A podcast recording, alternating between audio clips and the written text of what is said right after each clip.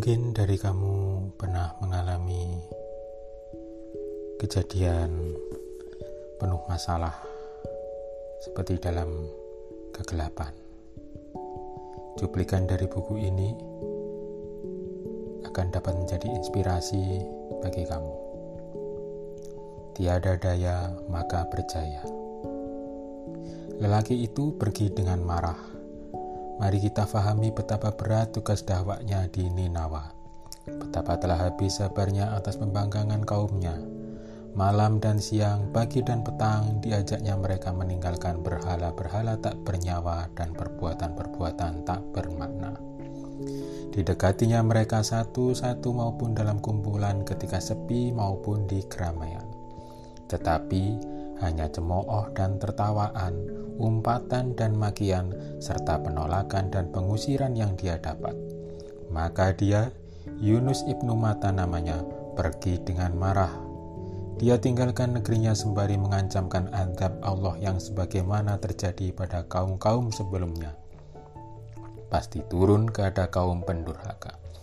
Bukankah demikian nasib kaum Nuh, Ad, Samud, dan penduduk negerinya Lut? Tapi dia pergi karena ketak sabarannya, ketak teguhannya, dan ketak telatenannya. Dia pergi sebelum ada perintah Allah untuk menghentikan seruannya. Dia menyerah sebelum tiba waktunya. Maka sebagai hamba yang disayanginya, Allah akan mendidiknya untuk sabar dengan cara lain jika dia tak sabar dalam tugas dakwahnya. Cara itu adalah musibah. Kita tahu ringkasnya, Yunus yang menumpang sebuah kapal akhirnya dibuang ke samudra setelah tiga kali muncul namanya dalam undian. Kapal itu dalam badai yang bergulung mengerikan. Maka ada yang berkeyakinan seseorang harus dipersembahkan pada penguasa lautan. Lagi pula, ia terasa kelebihan muatan. Awalnya sang nahkoda tak tega. Yunus tampak sebagai orang baik, tapi namanya muncul tiga kali seakan memang hanya dialah yang digandaki. Tetapan Allah berlaku baginya. Seekor ikan membuka mulut menyambut tubuhnya yang terjun ke air. Bahkan menurut sebagian mufasir, ikan yang menelannya dilahap ikan yang lebih besar. Lalu dengan perut berisi ia menuju ke dasar lautan. Maka jadilah Yunus berada dalam gelap, dalam gelap, dalam gelap, kelam berlapis-lapis. Di antara hikmah yang selalu melekat pada setiap musibah adalah pertanyaan, apa kesalahanku sehingga cobaan ini menimpa? Selanjutnya, memang kepakaan hatilah yang menentukan jawab dan tindakan yang akan diambil. Maka berbahagialah yang akan segera merundukkan diri di hadapan keagungan Allah, serta berlirih-lirih mengadukan kelemahan, kesilapan, dan kehinaan. Allah menciptakan manusia, demikian Dr. Abdul Karim Zaidan dalam Mustafat min Khososil Quran dengan menggariskan baginya bahwa perbuatan keliru dan jatuh dalam kesalahan adalah perkara yang mungkin bahkan niscaya. Tapi dengan kasihnya Allah juga membukakan pintu agar dosa-dosa menjadi jalan kembali dan pelarian suci, tempat bersimpuh dan sandaran berteduh, mahliga yang syahdu bagi bermesra, meminta, dan beroleh karunia. Maka demikianlah Yunus alaihissalam di perut ikan Nun dalam gelap yang mencekik hingga ke hati. Dia menangisi kelemahannya, menekuri hari-harinya, dan mengaku telah berbuat aniaya. La ilaha illa anta subhanaka inni kuntu minad dhalimin. Tiada ilah sesembahan hak selain engkau. Maha suci engkau, sungguh aku termasuk orang-orang yang berbuat aniaya. Quran Surah Al-Anbiya ayat 87 Doa Yunus betapa sederhana, tapi indah dan mesra, akrab dan hormat, takzim dan syahdu. Demikianlah para pinta para nabi di dalam Al-Quran. Kita menemukan lafaz doa, ruh, tauhid, sekaligus keindahan adab. Hari ini, ketika kita disuguhi fahaman entah berantah bahwa doa harus dirinci-rinci, dibayang-bayangkan dan dijerih-jerihkan. Seakan dengan demikian ia lebih cepat dikabulkan. Karenanya, mari berkaca pada doa Yunus. Tak ada di sana pinta untuk mengeluarkannya dari perut ikan, apalagi desakan agar segera. Tak ada di sana rajuk-rajuk manja, iba-iba memelas apalagi kalimat perintah yang pongah. Doa Dunnun alaihissalam demikianlah menurut Ibnu Taimiyah adalah di antara seagung-agung doa di dalam Al-Quran. Doa itu mengandung dua hal saja, merunduk-runduk mengakui keagungan Allah dan berlirih-lirih mengadukan kelemahan diri.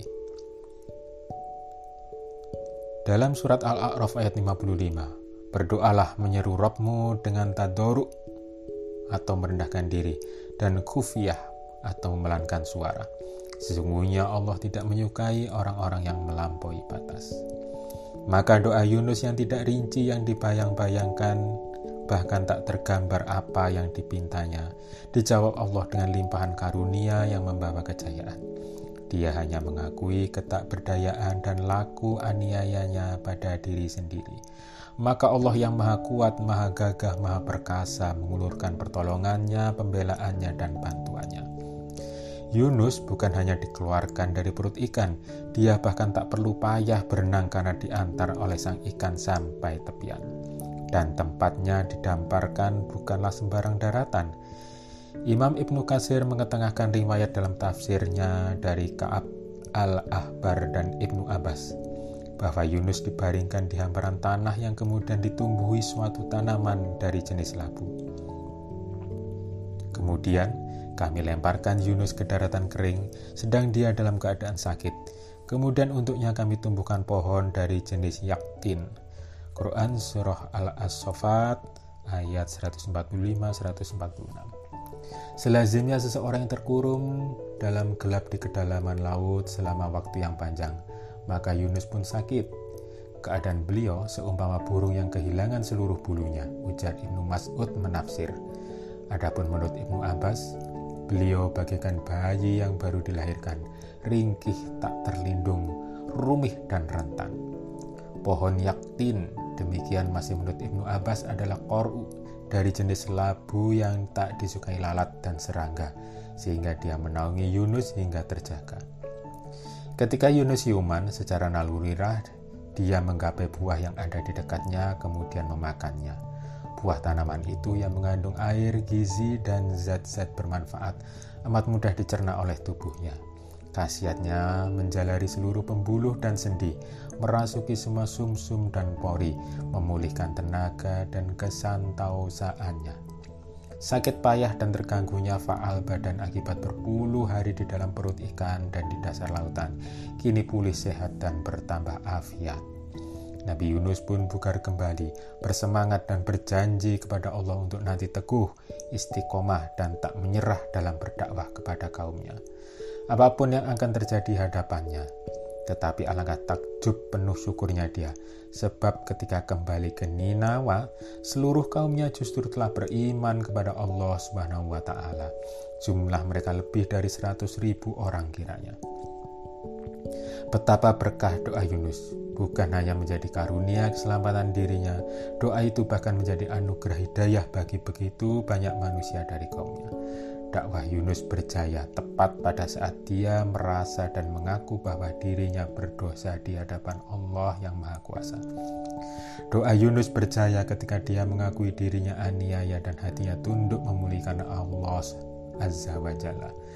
Dakwah Yunus berjaya ketika dia merasa tak berdaya. Dilapis-lapis keberkahan, berjayalah hamba yang merasa tak berdaya tanpanya maka Maha Suci zat yang menjadikan berhina padanya sebagai kemuliaan, berfakir kepadanya sebagai kekayaan, tunduk padanya sebagai keluhuran dan bersandar padanya sebagai kecukupan.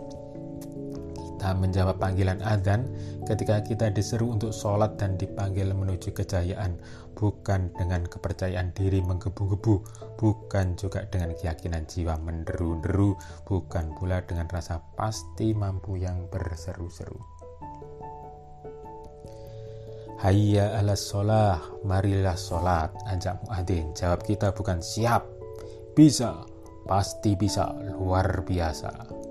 Hayya alal falah, mari menuju keberhasilan, kemenangan dan kejayaan sambung muadzin. Dan jawab kita bukan pula saya, saya, saya, yes. Nabi SAW setakwa-takwa manusia setaat-taat hamba dan sekuat-kuat pengabdi robnya. mengajarkan sebuah jawaban yang apa adanya tentang betapa lemahnya kita. Ungkapan paling jujur itu adalah La haula wa la quwata illa billah. Tiada daya untuk menghindar dari keburukan dan tiada kekuatan untuk melaksanakan ketaatan selain dengan pertolongan Allah yang Maha Tinggi, lagi Maha Agung. Ketika kaki melangkah keluar dari rumah maka tuntunan doa bagi kita ada dalam hati soheh dari Anas Ibnu Malik yang terekam dalam Sunan Abu Dawud dan Sunan At-Tirmidzi bahwasanya Rasulullah bersabda, "Jika seorang di antara kalian keluar dari rumahnya lalu mengucapkan Bismillah tawakkaltu 'alallah la haula wala quwata illa billah." Dengan nama Allah, aku bertawakal kepada Allah. Tiada daya dan kekuatan kecuali dengan kuasa Allah. Maka pada saat itu akan dikatakan kepadanya, "Kamu telah mendapat petunjuk." Telah diberi kecukupan dan mendapat penjagaan hingga syaitan-syaitan menjauh darinya. Lalu syaitan yang lainnya berkata kepada syaitan yang ingin menggodanya, Bagaimana aku akan menggoda seorang laki-laki yang telah mendapat petunjuk kecukupan dan penjagaan? Dengan asma Allah adalah ikrar iman kita. Tak ada tempat bagi nama selainnya, bahkan pun nama kita dalam berangkat maupun kembali, berjalan maupun berhenti, dikala pulang maupun pergi. Hanya namanya yang layak diagungkan di setiap tapak dan langkah berjalan dan berkendara, hatta hingga jatuh dan bangunnya. Semua dalam nama Allah agar kita menghadapkan wajah padanya dengan lurus dan berserah diri. Selanjutnya kita menginsyafi bahwa hanya Allah lah sandaran terkuat, terkokoh, terhebat, bukan diri, ilmu, ataupun hal-hal yang kita daku sebagai milik yang menjadi tempat bergantung bukan anak maupun pasangan, bukan kerabat maupun kawan, bukan rekan ataupun atasan. Aku bertawakal hanya kepada Allah adalah ikrar kepasahan kita. Bahwa tiap tapak yang terairun, serta tiap langkah yang terbijak ini, Allah lah yang mengatur, mengarahkan, dan menempatkannya. Dan akhirnya, tiada daya untuk menghindar dari maksiat dan keburukan, serta tiada kekuatan untuk menunaikan ketaatan dan meraih kebaikan melainkan dengan kuasa dan pertolongan Allah. Inilah kealpaan kita yang mudah tergoda, maka hanya dari Allah pembentengannya. Inilah kerawanan kita yang dalam bahaya, maka hanya dari Allah perlindungannya. Inilah kemalasan kita yang sering tak hendak, maka hanya dari Allah semangat dan kemampuannya. Inilah kelembekan kita yang tak menjangkau, maka hanya dari Allah penggapiannya. Demikianlah di lapis-lapis keberkahan, tiap helaan nafas, tiap detakan jantung dan tiap denyutan nadi terjalani dengan asma Allah, dengan tawakal pada Allah dan dengan pengakuan bahwa tiada daya dan kekuatan kecuali dengan karunia Allah. Sebab kita mengerti pengakuan atas ketakberdayaan di hadapan yang maha jaya adalah sumber kekuatan yang tak pernah kering, tak pernah habis, dan tak pernah berakhir dari buku Lapis-Lapis Keberkahan karya Salim Afilah.